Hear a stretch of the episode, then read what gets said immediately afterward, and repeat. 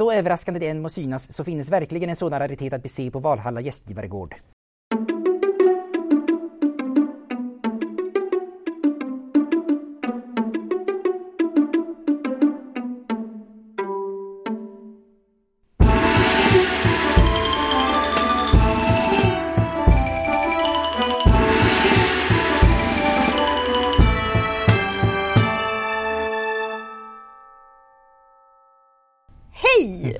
Välkomna till Podius Castus, en podd om antiken. Och vi som sitter här idag, det är jag Emelie. Jag Angelica. Och jag Adam. Och idag är det en liten special för att vi kör nämligen live på Sörmlands museum. Ehm, woho! Woo! och eh, vi ska inte prata om vilket ämne som helst. Nej. Vi ska prata om mumier. Och inte bara vilken mumie som helst, utan en sörmländsk mumie. Den är, det har ni aldrig hört talas om innan. Nej, de finns inte jättemånga av. De gör inte det. Nej. Nej.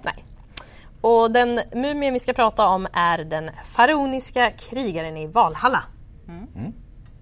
Stämmer bra. Och jag ska säga det att vi, vi har ju bildspel bakom oss och det kommer att vi kommer varna kanske, ska man kanske säga, för vissa Ja, bilder. vi det- sänder också live Ja, därav. eh, Exakt, precis. Så att ni som Ehm, tittar- Precis. Mm. Ehm, och det kommer att kanske, det kommer dyka upp bilder på mänskliga kvarlevor. Så att är man extra känslig så vi kommer varna. Kan ni blunda? Exakt. Mm. Och så säger vi till när vi är klara. Precis vad jag tänkte säga, så att man inte sitter och blundar hela, hela resten av tiden. Det är Ja, det får man väl också Ja, göra om man ja, vill i och för precis, sig. exakt, man exakt. försöker somna eller meditera. Ja. Eller, ja. Men ehm, vi drar igång. Ja, tycker väl- jag. Mm. Ja. Eh, de flesta känner nog till att man i det forna Egypten balsamerade sina döda. Och det, gjorde, det var en tradition som man höll på med i över 3 500 år. Inte dåligt. Det är ganska lång tid. Mm.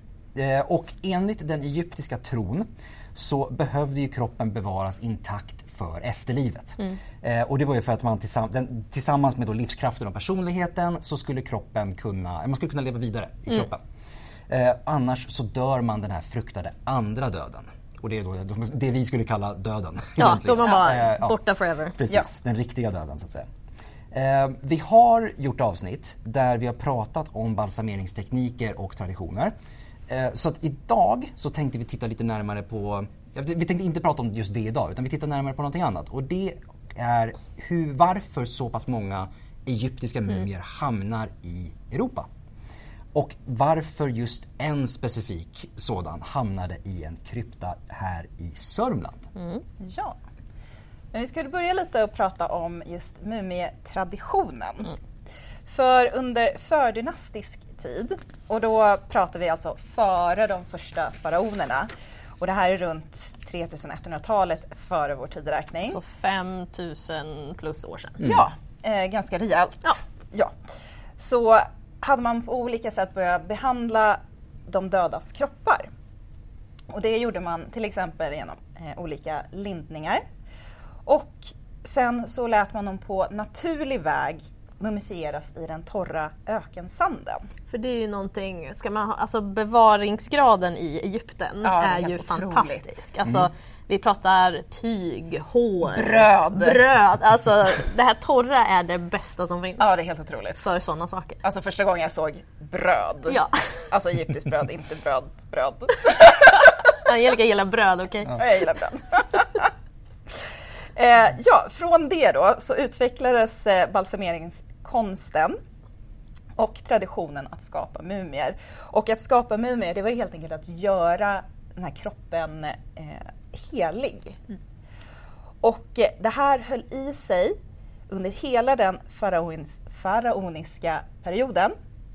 Men det fortsatte till och med efter att Egypten blivit en romersk provins. Men även långt efter att riket kristnats på 200-300-talet efter vår tidräkning. Det säger ganska mycket om Egyptens traditioner. För att oavsett Precis. vem som har ägt Egypten eller vad man ska säga så är det snarare att de har behövt anpassa sig till Egypten än att Egypten har anpassat sig åt dem. Precis. Ehm, det är ganska häftigt. Ja. Och det är just det här, det är ju inte bara eh, personer som kanske höll fast vid den här trosuppfattningen. utan, som blev då balsamerade utan finns till och med så att det finns bevis på kristna munkar som har eh, balsamerat sina bröder när de har dött. Då. Live! Men det finns väl i och för sig eh, buddhistiska munkar som gick in i någon sorts transgrej och sen mumifierade sig själva eller någonting. Det känns bekant. Ja. Eller det är en till utav dina, dina så här 75% r- saker som du har rätt på. Nej, nej, det finns. Eller Alltså googla det, for real. Ja, Ja. ja, visst. Det, är- mm. 75 procent. Nej, för det var någon, Plus. man hittade någon staty och sen visade det sig att inne i den här statyn då, så fanns Ja. det en människa. Ja, wow. Ja. Så det var någon konstig tradition. Men mm. googla det. Mm. Precis. eh, men tillbaka. Yes. Runt 700-talet efter vår tidräkning och det här är efter den arabiska erövringen 1642 så var det fortfarande personer som lät balsamera sina döda i Egypten. Eh, men efter det så dog traditionen ut. Det är ganska avancerat och tar lång tid. Och liksom. Ja. Mm, jo. Ja. Och, och som sagt, i takt med att trosuppfattningen inte längre finns på samma sätt. Nej. Då är det ju snarare en, vad ska man säga? Eller, det- eller tra- alltså traditionen. Ja men traditionen lever kvar men jag tänker att trosuppfattningen bakom traditionen Ja, absolut. eh, är ju inte heller liksom riktigt på samma, samma närvaro Nej. Nej. I, i det sociala samlivet så att säga. Nej. Och då blir det lite annat. Ja, Ja. det blir det. Ja, eh, och när man slutar balsamera och, då bryr man sig heller inte så mycket om mumier lokalt. Alltså det finns hur många som helst och alla vet om att de finns och så här, men det är liksom så här, eh, liksom, det, det finns inget intresse. Eh, och hade det inte kommit ett intresse utifrån, då hade man förmodligen låtit dem ligga kvar. Ja. Eh, men, så det som händer det är att mumien lyckas bli en kuriositet. Något eh, så här coolt man bara ska ha. Typ den senaste väskan. bara, Åh, en mumie måste jag ha liksom. Men mumierna har också fungerat som medicin. Och även fast man visste att det var mänskliga kvarlevor. Liksom. Eh, men det är så pass främmande. Och nu pratar vi också, det är långt bort, eh, folk har lite en annan hudfärg, folk har haft tid, annan tradition.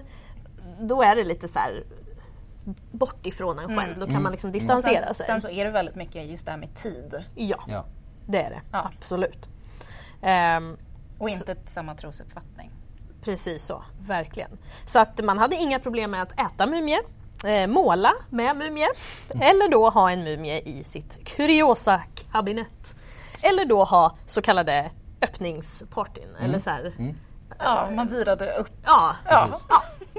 Idag kallar vi det unwrapping och det är något helt annat. ja. exakt. Det är bra, det är bra att hålla koll Ja, på men det är bra. Ja, bilderna. ja, det är Yes. bra. Ja, det är någon som läser manus i alla fall. ja, ska vi prata om, vi, vi tar lite fasta på det som, en av de sakerna som du räknade upp i alla fall i tidigare.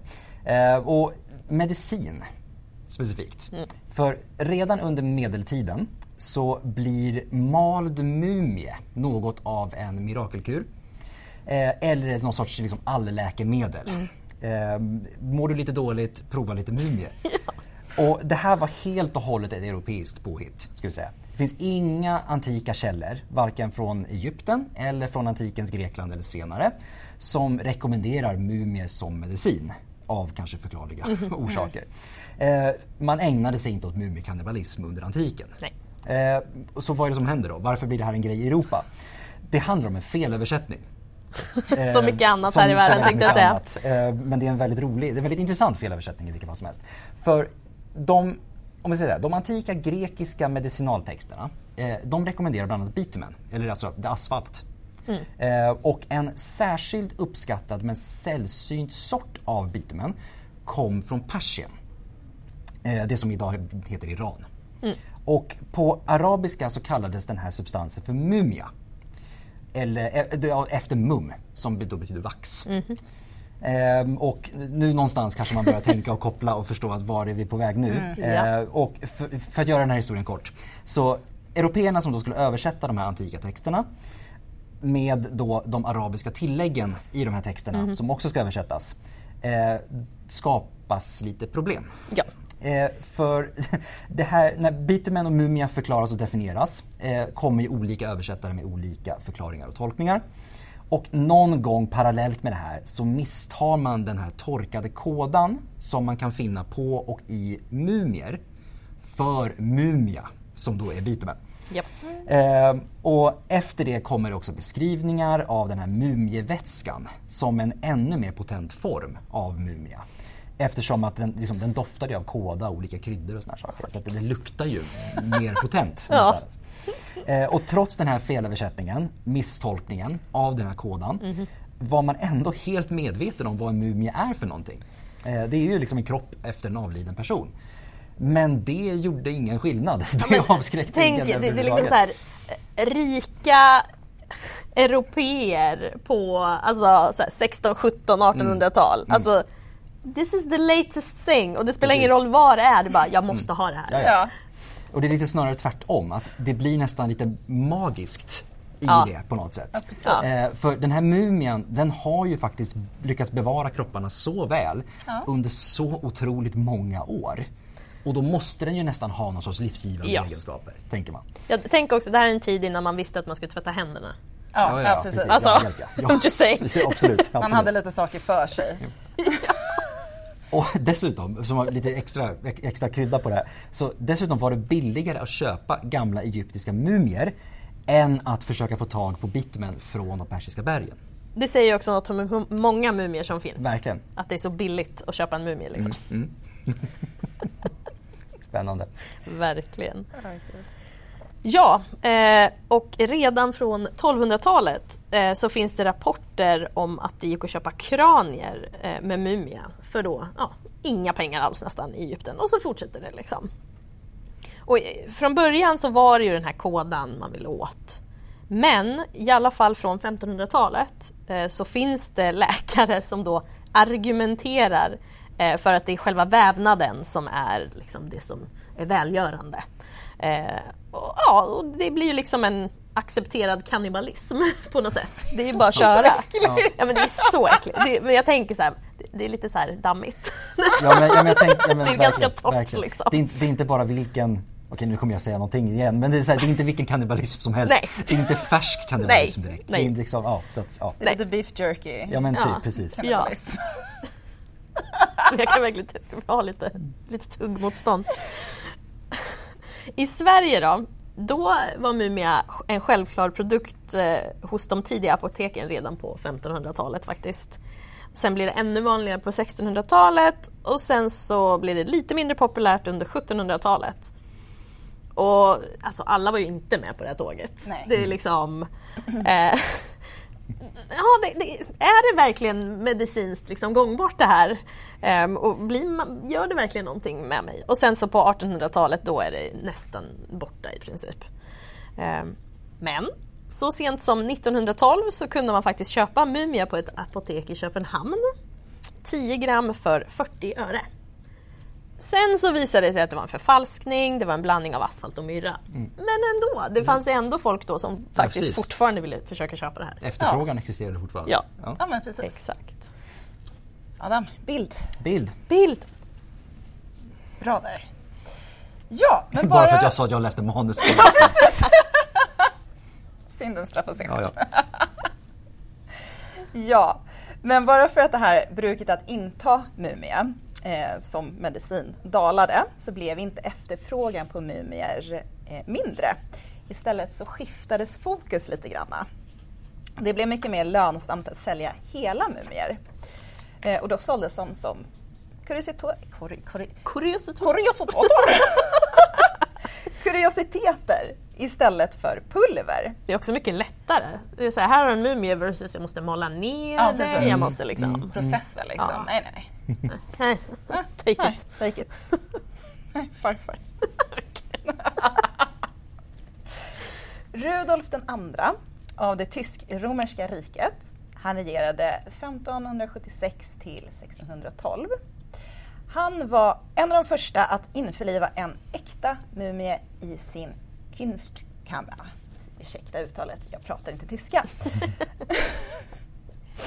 Eh, delvis så handlar det om det här eh, om att eh, det var inte så himla många som kunde ta sig till Egypten och se alla de här fantastiska mumierna eller eh, ja, sakerna från Egypten helt enkelt.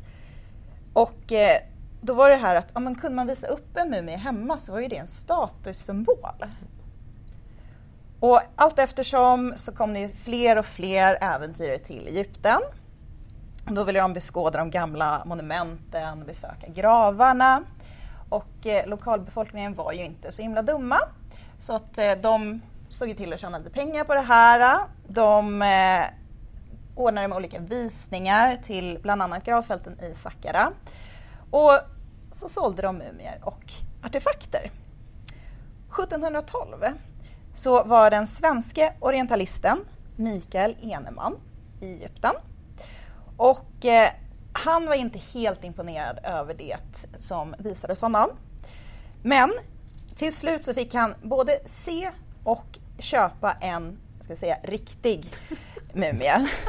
Nu har börjar få slut på mumier vid det här laget. det är inte omöjligt. Det är väldigt oklart om han faktiskt fick hem mumien till Sverige. Men dock eh, var det ungefär 20 år senare så kom det en mumie till Sverige. Det är den första dokumenterade fornegyptiska mumien här i landet. Och det var liksom bara starten, för det skulle bli fler och fler. Och mumier, det var väl ganska bra att ha som eh, diplomatiska gåvor exempelvis. Mm. Eh, man kunde använda dem för vetenskapliga studier. Eller så kunde man ha dem som en liten snygg eh, prydnad på spiselkransen. Ja, mm. oh, det är så oetiskt. Ja, mm. oh, det är så oetiskt.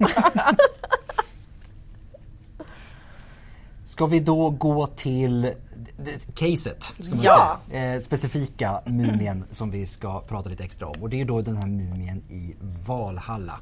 Den som vi var och hälsade på? Exakt. Fast eh, inte i eh, Valhalla? Nej. Eh, den 17 augusti år 1898 så kunde man läsa den här insändaren som vi har på bild bakom oss. Eh, I Södermanlands Nyheter och den berättar då att det finns en egyptisk mumie på Sörmlands landsbygd. Och sen så står det ju, jag tänker att varje gång man läser sådana här gamla texter så hör man bara den här gamla journalrösten i huvudet. Eh, den här, kör den. Jag ska den. köra. Du får be om ursäkt men det var jag på förhand. Eh, så överraskande det än må synas så finns verkligen en sådan raritet att bese på Valhalla gästgivargård. Kan man läsa i den här texten. Eh, och nyheten sprider sig snabbt till andra tidningar. Sa I samma, samma artikel går att läsa i allt från Norrlandsposten till Skånetidningen. Eh, så he hela landet. Men eh, på norrländska, så överraskande det än må synas. Ja, precis. Och så skånska så ja. finns det verkligen en sån raritet att bese. Ja. Ja. det är bra. Många strängar på din lyra. Ja. Och det är då under augusti 1898 som den här nyheten verkligen tar fart. Eh, och mumien då, den beskrivs i tidningarna som att den, är, den har röd, rödhårigt huvud. Mm. Eh, den händer och fötter och det ska vara en gammal faraonisk krigare, skriver de. Eh, det ska nästan vara svart i färgen och väldigt anträtt av eh, så fint, den tidens mångtusenåriga tand. Oj, oj, oj. Fint. Mycket poetiskt. Ja. Eh, då är den här stora frågan, varför hamnade de här mumiedelarna för det är verkligen mumiedelar. Ja, ja, ja. Det är inte, det är inte en hel, nej. Det är, nej, nej. det är delar av en mumie. Och varför hamnade de här då i Valhalla i Södermanland? Jo, det som vi var inne på tidigare, det var inte helt ovanligt att man samlade på sig spännande föremål under mm. sina resor när man var ute. Och det var ju verkligen den här resornas tidevarv på något sätt. Man var ute i världen och samlade på sig grejer. Det var lite utav eh, societets... Vad ska man säga? Det var så man fördrev tiden yes. societeten. Mm. Um, och en person hade särskilt stort intresse för Orienten och det var greve Carlo Landberg. Han bytte namn till Carlo, skulle vi säga. eh, han var svensk-norsk ambassadör i Egypten under sent 1800-tal. Och Carlo då, han hade stort intresse för modern arabiska mm. och dess dialekter, lite språk, språkintresserad. Mm. Mm. Eh, och han reste väldigt mycket runt omkring i det här området. Då. Han bedriver egen forskning också vid sidan, eller forskning kanske inom citationstecken mm. beroende på. Eh, vid sidan av sina officiella uppdrag. Eh, och han ska också ha sänt kontinuerligt eh, spännande föremål som han hittar mm. hem till Sverige igen. Och bland annat då delar av en mumie. Så att det är greve Landberg vi har att tacka för att delarna kom hit. Yes. Och i eh, tidningarna från den här tiden så kan man läsa om hur mumien först då ska ha skickats eh, till två av Carlos släktingar. Mm. Eh, men de här två kvinnorna de tyckte inte det var jättetrevligt då att ha en mumie eh, hemma, eller mänskliga kvarlevor. Eh, och då kallar ju, kallas de då såklart hysteriska. Absolut för att jag inte vill ha två, två fötter och händer och, en, och ett kranium i mitt vardagsrum. Liksom. Ja. Det, är- ja, det Skulle du inte vilja ha det? Nej, jag skulle nog faktiskt inte Jag vilja. skulle nog beskriva det som hysteriskt Ja, då. absolut. Ja. Så att, eh, då fick man skicka den här mumien vidare då till en av Carlos vänner, eh, Dr. Levin. Mm. Men där hände då samma sak. Doktor... Dessa kvinnor. Alltså en, en kvinna i Levins närhet är väldigt osugen på att eh, ha mumien i huset för att den spökar för henne. Mhm. Det säger jag inget om, you never know. Eh, och då får den eh, skänkas till lanthandlaren Karl August Wall. Och herr Wall, då i folkmun kallad Vallgubben. Det är fint. Det är jättefint, det är lite gulligt. Ja, ja. Eh, han var också en samlare av spännande föremål. Och han byggde upp vad som skulle likna en fornpark in till sin lanthandel. Så det är också, vill du handla lite mjöl och vill du gå in i min eh, fornpark och titta lite? Eh, och där förvarades mumien tillsammans med en massa andra spännande saker. Ja. Och nu blir det lite känsligt om man är känslig, så blunda i så Som fall. vi, precis som vi varnade för i början. Ja. Så. Och där. Där har vi den. Ja. Eh, och för de som blundar nu så kan vi, kan vi beskriva det att det, det är faktiskt det är ju en mumiehand Ja. Vi har på bild. Eh, en högerhand. Ja. Eh, och det vi ska säga, mumien, eller mumiedelarna, Ja. mådde inte speciellt bra av att förvaras i vad som snarast kan liknas vid en fuktig jordkällare eh, hos vallgubben. Då. Eh, och mumien, mumiedelarna får ganska så snabbt utslag och det börjar spekuleras i tidningarna om att den bär på något, en gammal faraonisk farsot som kanske skulle börja spridas. Ja. Och det är så här, hon, hon, eh, Levins kvinna där, hon är hysterisk för att den spökar för henne. Men nej, nej, det kan spridas ja, men farsot här. exakt, Precis, ja. That's fine, det är logiskt. det är lugnt. Ja, absolut. Eh, och redan den första som då skickar in den här nyheten till tidningen funderade, b- b- som sprider det här ryktet, eller den här hysterin då, att mumien kanske skulle kunna sprida en sorts smitta. Eh, och han säger att man vet ju ej så noga om våra vansläktade tiders vaccin förmår något uträtta mot en så urkraftig sjukdom. Jag tycker, jag tycker att man, man borde ta tillbaka det här språket Ja, det är idag fantastiskt. Urkraftig sjukdom. urkraftig sjukdom. Ja, Den här ur, urkraftiga sjukdomen då var ju mögel. ja, ja, Ja, precis. precis. Fuktig jordkällare liksom. Exakt. Och, och tyg och mänskliga kvarlevor är lika med mögel. Ja. Exakt. Ja. Eh, vidare då, den här artikeln i Södermanlands Nyheter den avslutas med att insändaren, han hoppas att måtte nu bara ej denna lilla notis flyga så vida ut i världen att greve Carlo genom densamma får reda på mumiens senare ödem och reklamerar sin egendom. Ty det skulle naturligtvis djupt gå Länsnyheternas korrespondent till hjärtat. Så att eh, handlare Wall hoppas helt enkelt på att greven hade glömt bort sin mumie. Ja, det måste ju Eh, vara, alltså, ja. måste ju få dit folk. Ja, Ja, det är ju i dragplåstret. Eh, Liksom. så, att, så att Wall då skulle kunna få behålla Ja. det. Ja. Men eh, år 1907 så händer ju någonting. Då går Carl August Wall plötsligt bort efter att ha blivit påkörd av ett tåg. Det är ganska plötsligt. Det är också så här, han har plötsligt gått bort, det låter som en kortare tids sjukdom eller Nej. nej, nej, han blev påkörd av tåget.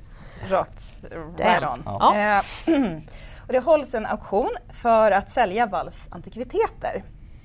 Och då bestod det bland annat av en mumie, ryttarrustningar, eh, harnes och hjälmar, olika militära huvudbonader, äldre eldvapen av flera slag, därav en kulspruta, eh, hillebarder, vilket är någon form av vapen som jag inte kan uttala. Hille, Hille, det är som, tänk dig ett spjut fast med en yxa på kanten. Ja, sådana! Ja, ja, ja. Mm. Eh, han hade även pikar, pilor och värjor, diverse gamla verktyg funna vid grävningar i jorden, eh, antika väggur och så vidare. Men alltså så här, jag har en mumie, jag har ett harnesk, jag har ett antikt väggur och Ja. en kulspruta. Låt oss festa liksom. Ja, precis. Eh, Ett par år senare, år 1915, så går det att läsa i Dagens Nyheter att fastigheten är till salu. I texten så räknas fastighetens alla fördelar upp. Och det är en, en fin utsikt. Oj. En fin utsikt över sjön Båven. Mängden tunnland. Mangel och tvättstuga. Jag ska ett mangel och tvättstuga ja, liksom. men det är så här, eh, the shit liksom. Verkligen. Ja. Och stenkrypta och mumie. Usch. Så Ja. den blev kvar. Eh, Vad vill ingen att ha? Mumiedelar? Nej, jättekonstigt. Det är Som hade, som hade mögel? Hemnet, Hemnet behövs det. Ja, precis. Typ. Eh, kryptan som Wall då lät eh, bygga beskrevs senare i tidningarna eh, som kyrkliknande med järnport och trappor ner i underjorden. Och det ska också ha fin- funnits sittplatser längs med väggarna. Och eh, så fanns det ett litet skåp klätt med svart tyg eh, och med tredubbla dörrar. Och där ska de här balsamerade delarna ha förvarats. Känns väldigt kristet måste jag säga. Mm, Ja. ja. Absolut. Precis. Nu har vi bytt bild, ska jag säga. Så att nu Så kan ni, kan ni titta. Just det, kan nu, just det om ni- ni har ni blundat så kan ni... Precis. det var, förlåt, det var väldigt lång, det var en väldigt lång vad ska man säga, tid att blunda. Ja. Men, eh, Oh well. ja, ja. Ja, att eh, den här krigaren i Valhalla blev ett eh, så spännande inslag i tidningarna sommaren 1898, det är kanske inte jättekonstigt. Nej. Cliffhanger. Cliffhanger. Eh, det är faktiskt eh, långt ifrån den enda berättelsen om mumier eh, som det har skrivits om. Och Det var ju poppis. Det var ju poppis, precis. Och eh, just 1889 så kan man till exempel läsa om den lustiga historien när egyptologen Gaston Maspero, Maspero, Maspero. Masperon Ja. eh, kom hem till Frankrike och hade med sig mumier och fastnade i tullen. Eh, han får frågan vad det är för besynnerligt föremål som ligger i en av hans eh, kistor. Så gränsbevakarna av Frankrike.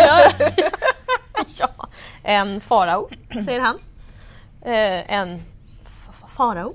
Stammar den här tullvaktmästaren och bläddrar i sin tulltaxa. Det står inte i tulltaxan!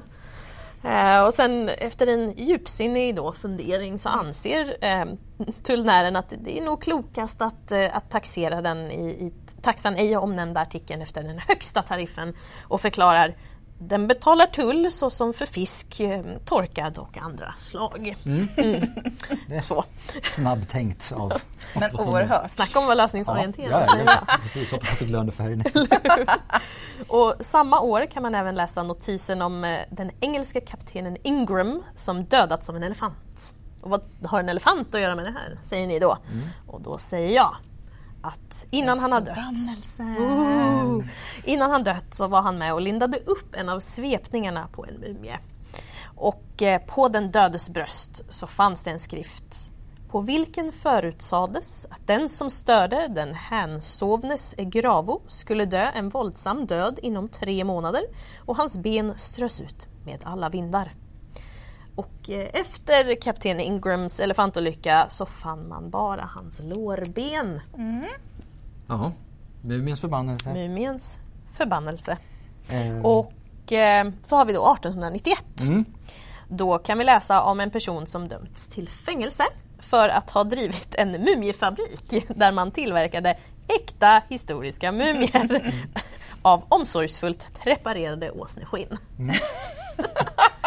Mm. Men det där är ju faktiskt sånt som fortfarande görs idag. Förfalskningar. Mumier av åsneskinn. Nej, men förfalskningar av historiska Rent- artefakter. rent ja, ja, ja. till exempel IS faktiskt. De eh, var ju väldigt duktiga med att påstå att de sprängde en massa saker och hade sönder och sådär. De gjorde ju jättestora pengar på att sälja det på svarta marknaden. Så pass mycket pengar att de också började tillverka förfalskningar av föremål. Så att, eh, mm. Mm. Fan. Tillbaka till Valhalla. Ja. Jupp, jupp. Eh, och det är en restaurering som pågår. Eh, för vid ett av husen på lanthan- vid den här lanthandeln som gubben Wall hade på 50-talet, 1950-talet så finner man en bit kartonage med hieroglyfer. Och vad är då kartonage för någonting? Eh, ja, det är en del av, eh, eller kartonage framförallt, eh, den hårda delen på en bok. Eh, det är det. Ja, ja, ja, jag har inte sagt absolut. något. Nej, Jag har inte sagt något. absolut. Ja. Eh, nej, men det, är en, det är en del av, av eh, vad ska man säga, mumiesvepning eller masken. Mm, mm. Eh, det är hårt. Den hårda delen av mumiesvepningen? Ja. eller? En ja. bit kartong, ja. typ. Ja. Ja. Ja. Och det här hittar man då under en igensatt trappa. Ehm, och den här trappan hade vid tiden för det här fyndet varit igenbommad i nästan 50 år. Så nu är krigaren tillbaka i tidningarna igen, den här faraoniska krigaren. Och på 50-talet då så undersöker man den här kartonagebiten. Och den kommer ju då, som vi sa, troligtvis från en mumiekista. Och man drar då slutsatsen att de här mänskliga kvarlevorna som har funnits i kryptan intill lanthandeln troligen tillhört en guldsmed eh, och då alltså inte en krigare eller en furste. Eh, och att han då ska ha levt under den 20 dynastin vilket då är omkring 1100-talet före vår tideräkning. Eh, och tillsammans med det här fyndet så hit, ska man också eh, hittat... Nu snurrar jag bort mig totalt. En kartong? Ja, en kartong. Det är det, ja. Och i den så låg det ett tygstycke. Det är kartong och kartonage, de är för lika Ja. eh, i, i ord. Eh, och i den här kartongen då så låg det ett tygstycke som tolkades som en gördel som då ska ha tillhört den här guldsmeden. Eh, och slutsatsen blev då att den här görden som då var utsmyckad ska ha burits av en väldigt välbärgad person. Eh, man slog fast att guldsmeden hette Inaros och att han var son till Petisse som också var en guldsmed. Undrar om man fick fram allt det här du? Det är väldigt mycket Mm. information. Eh, så jag ska inte svära på hur. Nej. Eh, man får hoppas att de hade någonting. Ja. I alla fall. Och det var den då, eh, dåvarande ägaren av lanthandeln som var Erik Bolinder eh, som har hittat gördeln och kartonagebiten. Och i tidningen Eskilstuna-Kuriren så står det att han ämnar låta kartonagebiten bli museiföremål. Men han tänker behålla gördeln. Så att, eh, ni får en men jag behåller den andra. Eh, och i andra tidningsklipp så står det att han också tänker behålla mumien. Ja. Damn. Eh, men han gör inte det till slut. Nej. För att de här föremålen de skänks till det som idag är Medelhavsmuseet i Stockholm. Mm. Och finns nu i Medelhavsmuseets samlingar. Och nu kommer en till sån här varning för eh, mänskliga kvarlevor. Så att blunda den som, eh, den som inte vill se. Eh, och det är två fötter. Eh, som man kanske kan se. Ganska två ihopskrumpna fötter. Och man kan Eh, se tånaglar Ja. och man kan se lite senor också på, på vänsterfoten. Lite ben. lite Och lite ben. ben. Eh, och man kan även, vi tittade även under och där fanns det också så här senor. Ja. Eh, det var, var supercoolt. Eller ja, Eh, förstå mig rätt. Och utöver de här två fötterna då, så är det också två ryggkotor som syns i bild. Och sen den handen som vi hade tidigare Yes. i bild. Och ett kranium också. Eh, och då tillsammans med den här biten kartonage och en bit bemålat linnetyg. Det som man kallade görden. Då. Ja. Men vad är det då i den här berättelsen som stämmer? Nu kan ni titta igen. Nu kan ni titta igen. Vilken fin bild. Ja. Ja. Nu kan du sluta titta. I ett eh, intervjuinslag i Svenska Dagbladet 1951 så berättar handlare Walls dotter vad hon minns om hur hennes far fick tag i den här mumien. Hon kan inte minnas att det fanns någon dokumentation, kanske inte jättekonstigt. Eh, men eh, att hennes pappa då eh, berättar att greve Carlo Landberg fått mumiedelarna i Egypten och på något vis satte de i förbindelse med Ramses den andre. Spännande. Hur nu det gick till. Hur nu det gick till. Brevvänner. Det var väldigt, eller det är, har varit väldigt, väldigt populärt inom arkeologi att sätta föremål och, och byggnader eh, i samband Ja. med någonting annat. Eh, någonting som man kanske känner igen som ja, men Alexander den stores grav. Ja. eh, vill man Den har man hittat ett antal gånger nu. Mm, på flera olika Ja. platser. Precis. Så sådana saker. Så det, det är inte så konstigt att han vill liksom göra det här till någonting så här, oh, Ramses den andra. Oh. Eh, I ett annat tidningsklipp så berättar dottern att hennes far eh, fick mumien när hon var 16 år gammal. Och det var 1890. Exakt när Karl Landberg tar mumien till Sverige är inte fastställt. Men eh, det är troligt att den kom till Sörmland under 1890-talet. Men eh, som vi sa då eh, lite det här, hur visste de så mycket om den här mumien då? Det, alltså det uppstår ju lite problem att försöka återskapa mumiens originalkontext. För ehm, idag är biten karto- kartonage daterad till ptolemeisk tid. Det är den som syns till vänster i bild. Ja, den lilla delen där. Eh, och det innebär att den är från runt 300 till 30-talet före vår tideräkning. Nu är vi mycket, mycket senare än vad vi pratade om alldeles nyss. Ehm, och den här, tygbit, äh, den här tygbiten då, ehm, som hittas är troligen från romersk period. Och då är vi ännu senare, då pratar vi 100-talet efter vår tideräkning. Så fyra till hundra år senare. Ja, Ja. precis. Så att, eh, och dessutom då så är det inte troligt att det är en del av en gördel utan det är snarare att det är en del av en linnesvepning från en mumie. Which would make sense. Ja. Så.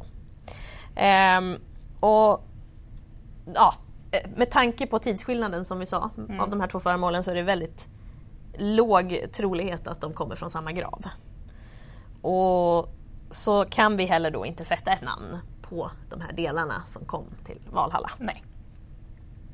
Det har heller inte gjorts några moderna analyser på de här kvarlevorna som då eventuellt skulle kunna ge en datering. Men det är fullt möjligt att eh, alla de, de här delarna då härstammar från samma individ. Eh, men det är inte säkert Nej. ens. Ehm, men rent visuellt så ser fötterna, fötterna i alla fall, ser ut att komma från samma person. Eh, och de, de, den storleken motsvarar ungefär storlek 35 idag. I det ihopskrumpna tillståndet. Ska Exakt så. Kanske Eh, någon storlek större. Ja, precis. Med lite kött på tänkte jag säga, med lite med juices. Lite liv. Lite juice. Lite juice. Feet juice. Oh god. ja, eh, och eh, i alla de här tidningsartiklarna då, då berättas det att det fanns händer, alltså flera händer. Eh, antagligen två händer. eh, men idag finns det bara en hand eh, på Medelhavsmuseet, eller i samlingarna där. Och det här röda håret då som man pratar om eh, i artiklarna finns inte heller kvar. Nej, Men det är kanske inte är så konstigt Eh, nej, eftersom omständigheterna som de bevarades på nere i kryptan, lite In- fuktigt, inte Jag, så jag jättebra. älskar också hur någonting har bevarats i så här 3000 år i torra Egypten och sen så här tre år i en jordkällare. Japp. Det är klart. Det är kört. Det är, det är så det är på sommaren också ibland kan man tänka sig. Det är som är fuktiga somrar. Så, ja, det är, Japp. Ja, Eh, mumien i Valhalla är inte heller, ska vi säga, det är inte en enda mumie som har flyttats från sin ursprungliga gravsättning. Ehm, nej, den enda mumien. Ja. Det Det är inte den enda nej, mumien, Det är inte nej. den enda mumien som eh, har flyttats från, från sin ursprungliga gravsättning. Utan vissa individer flyttades redan under faraonisk tid. Mm. Eh, och väldigt många, ska vi säga, det, det här eskalerar ju i modern tid. ja. Ehm, precis.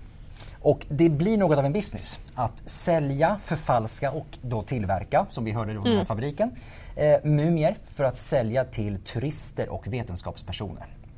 Eh, det är ett härligt neutralt ord, vetenskapspersoner. Och också vetenskapspersoner. Ja, inkluderar väldigt många. Ja. Eh, och det här flyttandet av mumier då från sina originalkistor till andra kistor eh, mixmatcha lite grann. Eh, och att också packa upp mumier och att, att sälja mumier eh, gör det såklart oerhört svårt för forskare idag att spåra var mumierna ursprungligen kom ifrån. Eh, vilka personerna var, vilka namn de bar eh, och vilken sorts livshistoria de hade. Eh, hela kontexten är, har, har gått förlorad. Ja. Och den här synen på mumier, äh, mumier, Mumier! Nu, är det min tur, Ja. kommer att förändras i och med att egyptologin tar fart Ja. som vetenskap. Eh, där också fler då spektakulära, alltså de här kungliga gravarna. Typ eh, Tutankhamon. Typ. Eh, hittas då och det blir också strängare regler, man får kulturarvslagar på ett eller annat sätt. Eh, så det blir strängare regler kring utförsel av eh, fornegyptiska föremål, däribland mumier. Då. Ja. Och nu för tiden så kan vi säga att mumier packas inte upp. Istället så försöker man ju undersöka dem så icke-invasivt som möjligt. Till exempel genom röntgen. Också 3D-skanning. Då kan Ja. man få riktigt snygga bilder.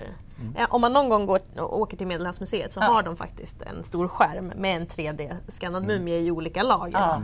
Eh, Och där ser man allt. Och då menar jag allt. Det är fantastiskt. eh, Jag var tvungen. Sitter och fnittrar för sig själv. Ja, men vi alla vet vad jag menar tänkte jag Ja. säga. Eh, även Nej, jag om... vet inte vad vad är det? Nej, Den har en liten snopp, okej? Eh, man kan även göra invasiva undersökningar som DNA-testning ibland. Mm. Eh, inte så vanligt kanske men Nej, jag tror inte det. Det är väl mer om de misstänker att den är eh, släkt med någon, ja. tänker jag. Att man eh, ja, vill då fastställa om, Ja. det, om så är fallet. ja. Ja, eh, och nu för tiden när man ställer ut mumier så försöker man faktiskt eh, förmänskliga dem, eller vad Ja. man ska säga. Samma sak i böcker, när man publicerar böcker, att det är faktiskt människor. Ja. Eller de har haft ett liv, de har haft ett namn, de har liksom haft familj eller vänner och ja, personligheter och spännande livsöden. Ehm, så att flera av mumierna i museer har faktiskt fått sina namn tillbaka. Och då har de ju då klarat sig undan den här andra döden. Ja. Nu kan de leva vidare då forever. ja. Ja. Kanske inte i fallet med våran... Våra delar menar du? Nej. Nej. Nej, de är nog eh, körda. Ja. Ja. Eller så spökar de vidare. Det är Ja. också. Gör andra hyster- hyster- hysteriska, tänkte jag, historiska. Tänkte jag säga det, Det är också, med. det också. Det också. Ja, Och det var- det var lite mumier. Ja. Ja. Och Valhalla-mumien. ja. Så om ni ja, har frågor eller funderingar eller vill veta mer eller så så är det bara att ni skriver till oss på mm. podiuskastis.gmail.com eller på Instagram eller Facebook. Ja. Och med Ja. det så säger vi Tack för för idag och och på på återhörande. återhörande.